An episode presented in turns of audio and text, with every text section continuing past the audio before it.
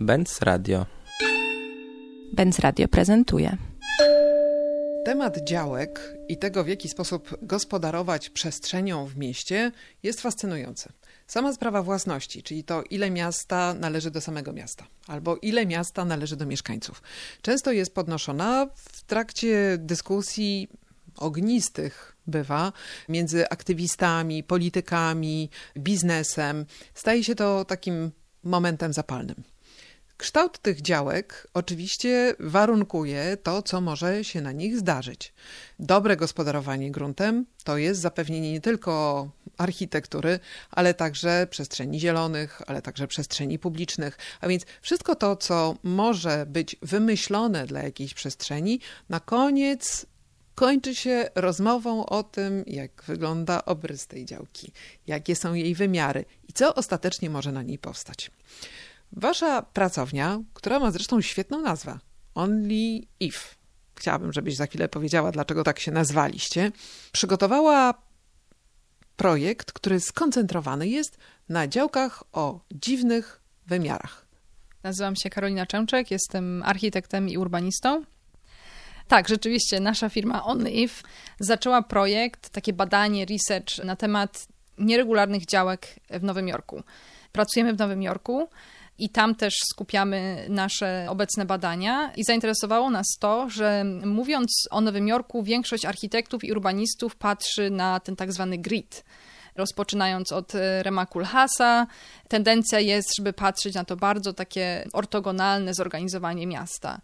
Ale my, jako młodzi architekci, szukamy troszeczkę takich alternatywnych sposobów na projektowanie. Stąd może też nazwa, która nie jest nazwą, która pochodzi od naszego nazwiska, nie jest nazwą e, taką rzeczy, nie jest e, rzeczownikiem, tylko jest taką nazwą kondycji only if, czyli jeśli tylko, i tak naprawdę można sobie dopisywać różne e, zakończenia.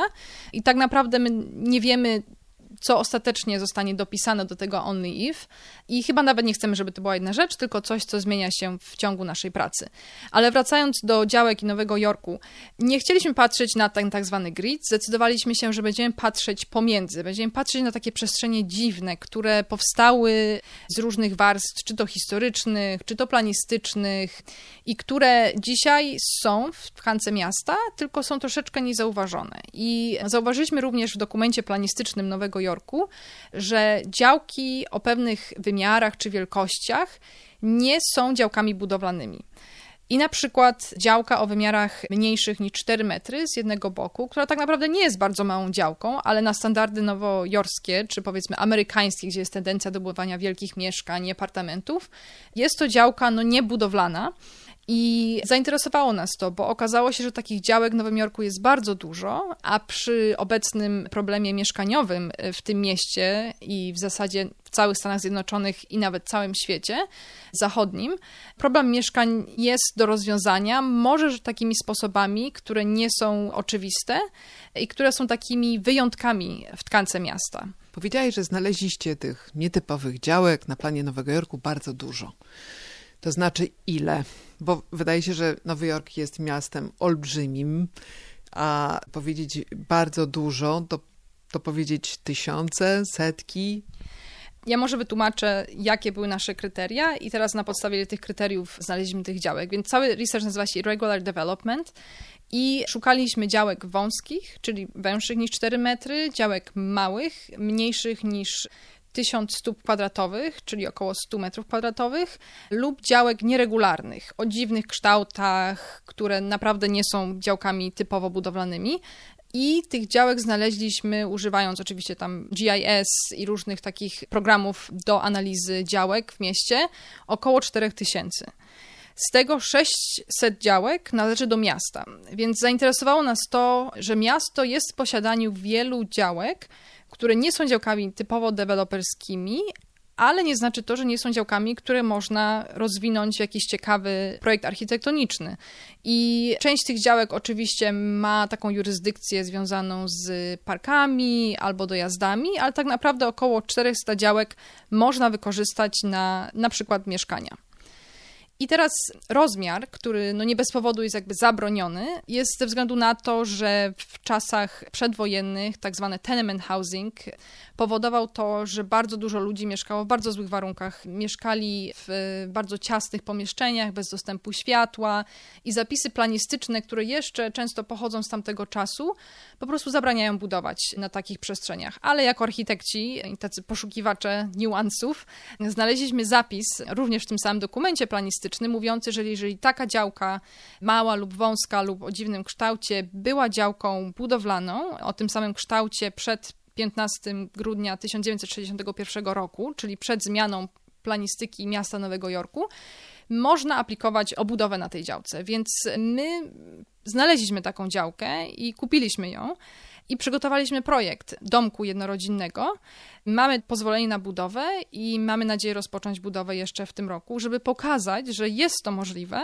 Oczywiście wymaga to troszeczkę więcej inwencji niż typowe budownictwo mieszkaniowe, ale jest to możliwe i może jest to odpowiedź na przynajmniej część problemów mieszkaniowych w Nowym Jorku. Problemy mieszkaniowe nie tylko w Polsce, ale również w Stanach y, są dzisiaj dużym tematem i dużym wyzwaniem.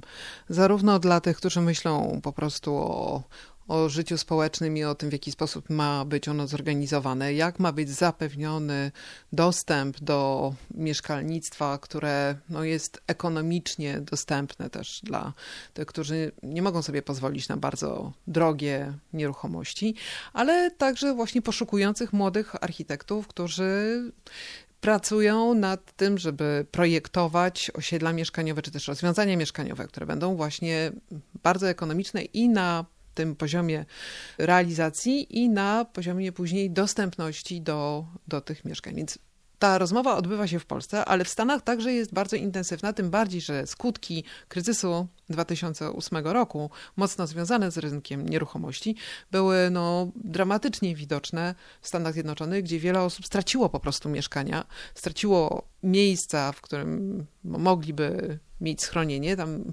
powstawały nawet takie osiedla namiotowe, coś czego w Polsce nie widzieliśmy, nie doświadczyliśmy, więc ten kryzys był dużo bardziej przekładalny na zauważalną, bardzo złą sytuację ludzi. I teraz, jak wyglądają odpowiedzi, czy też to, w jaki sposób szuka się odpowiedzi na, na ten problem mieszkaniowy?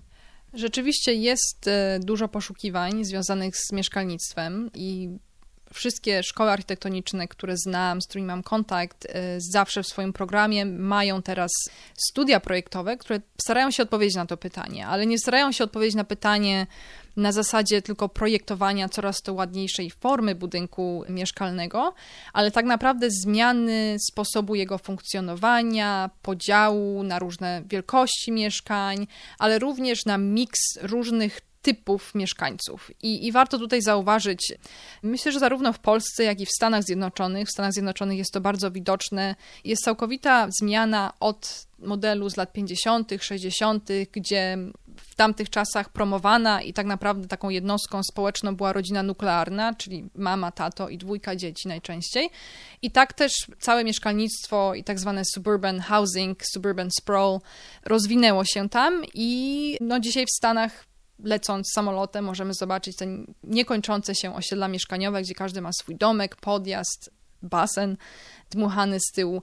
I w tym momencie zauważone zostało to, że tak naprawdę ten model rodziny, model mieszkania troszeczkę się zmienia. Mamy dużo młodych profesjonalistów, którzy przyjeżdżają do miast i tak naprawdę nie są w stanie kupić sobie mieszkania, więc często oni dzielą się jednym mieszkaniem. Tak samo jest ze studentami. Warto zwrócić na to uwagę, że nasze społeczeństwa się starzeją i jest coraz większa potrzeba, żeby te mieszkania były jednak dostosowane ale przynajmniej przyjazne dla osób starszych, które często też zostają same, już nie potrzebują tak dużych przestrzeni, ale na przykład nie chcą też mieszkać w takich typowych osiedlach, gdzie zostały tylko osoby starsze. I tutaj na przykład mój partner w biurze od dwóch lat prowadzi warsztaty w Tokio i razem ze studentami jeżdżą obserwować, jak Tokio, jako miasto starzejące się i tak naprawdę kurczące się, e, adaptuje się do takich potrzeb. I tutaj znów czasami jest to problem związany z takimi osiedlami dla osób starszych a czasami z problemem dostępu do, do po prostu mieszkań, na które można sobie pozwolić. Więc y, to jest też duży problem. No i też no, musimy przyznać, że dużo osób teraz wychowuje, na przykład jest samotną mamą, samotnym tatą. Wielkości mieszkań, czy nawet miks różnych generacji w takiej jednostce, powiedzmy, mieszkaniowej zmienił się i ich potrzeby również, dlatego warto y, zastanowić się przy projektowaniu mieszkań, jakie tak naprawdę są potrzeby bo zbudować budynek nie jest trudno, ale zaadoptować go na może troszeczkę inne funkcje albo inne potrzeby, jeżeli nie jest to założone we wczesnej fazie projektowej, po 30-20 latach jest trudno, więc myślę, że warto teraz wziąć pod uwagę takie aspekty w projektowaniu. Wspomniałaś o tym, że społeczeństwa się starzeją, starzeją się miasta, że użytkownicy tych miast czy przestrzeni miejskich mają coraz słabsze zdolności do tego, żeby w nich funkcjonować pod względem sprawności fizycznej. Ograniczeniem są schody, są jakieś agresywne takie elementy przestrzeni miejskiej, które młody człowiek nawet nie zauważa. Nie jest to dla niego problemem. Również to wyizolowanie grup wiekowych do jakichś osiedli, czy też przestrzeni, w których one miałyby się zamykać, nie jest najlepszym pomysłem i też już o tym dobrze wiemy. I ciekawe jest to, że ta że te próby zmierzenia się z tematem projektowania mieszkań czy osiedli mieszkaniowych, one są niezwykle intensywne i pomimo, że problemy mieszkaniowe trwają, one nigdy nie mają jakby takiego swojego momentu rozwiązania wszystkich pytań, to ciekawe jest to, że poszukując odpowiedzi, architekci na całym świecie formułują swoje propozycje, które można byłoby wziąć pod uwagę przy rozwiązywaniu tych bardzo palących problemów. I wy także, jako pracownia, macie na koncie taki projekt, który się mierzył właśnie z kwestią przygotowania przestrzeni mieszkalnej dla osób starszych. Tak, rzeczywiście. Jednym z naszych projektów była mieszkaniówka dla osób starszych. I jest to budynek w Nowym Jorku, 80 mieszkań, który jest częścią większego założenia mieszkaniowego.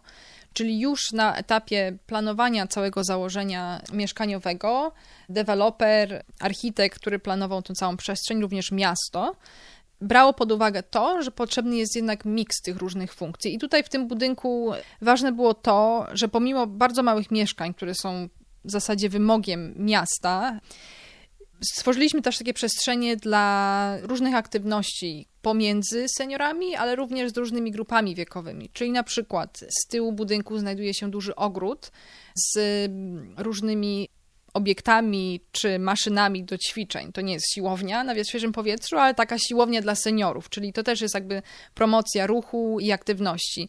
Sam budynek w swojej fasadzie ma wycięty taki duży, dużą przestrzeń, która pozwala na spotkania pomiędzy osobami, które inaczej siedziałyby w swoich własnych mieszkaniach, a w tym momencie mają zapewnioną taką przestrzeń, w której mogą się spotykać, rozmawiać, grać w różne gry, oglądać telewizję i tak dalej. I teraz tutaj na, na terenie, na przykład na poziomie terenu, zaproponowaliśmy takie funkcje, które łączą różne generacje, czyli przedszkole lub żłobek, żeby jednak te osoby starsze nie zostały izolowane. I myślę, że to jest bardzo ważne, żeby już na etapie planowania całego zespołu mieszkaniowego i później budynku myśleć o tych wszystkich aspektach, bo nasze społeczeństwo cały czas się zmienia i sposób, w jaki my projektujemy, musi odzwierciedlać te zmiany w społeczeństwie. Oczywiście nie jesteśmy w stanie przewidzieć wszystkiego, ale projektując tylko formy jako taki wielki architekt, kreator, no tak naprawdę nasza profesja y, stanie się niepotrzebna, bo nie będziemy odpowiadać na potrzeby, które rzeczywiście istnieją w społeczeństwie.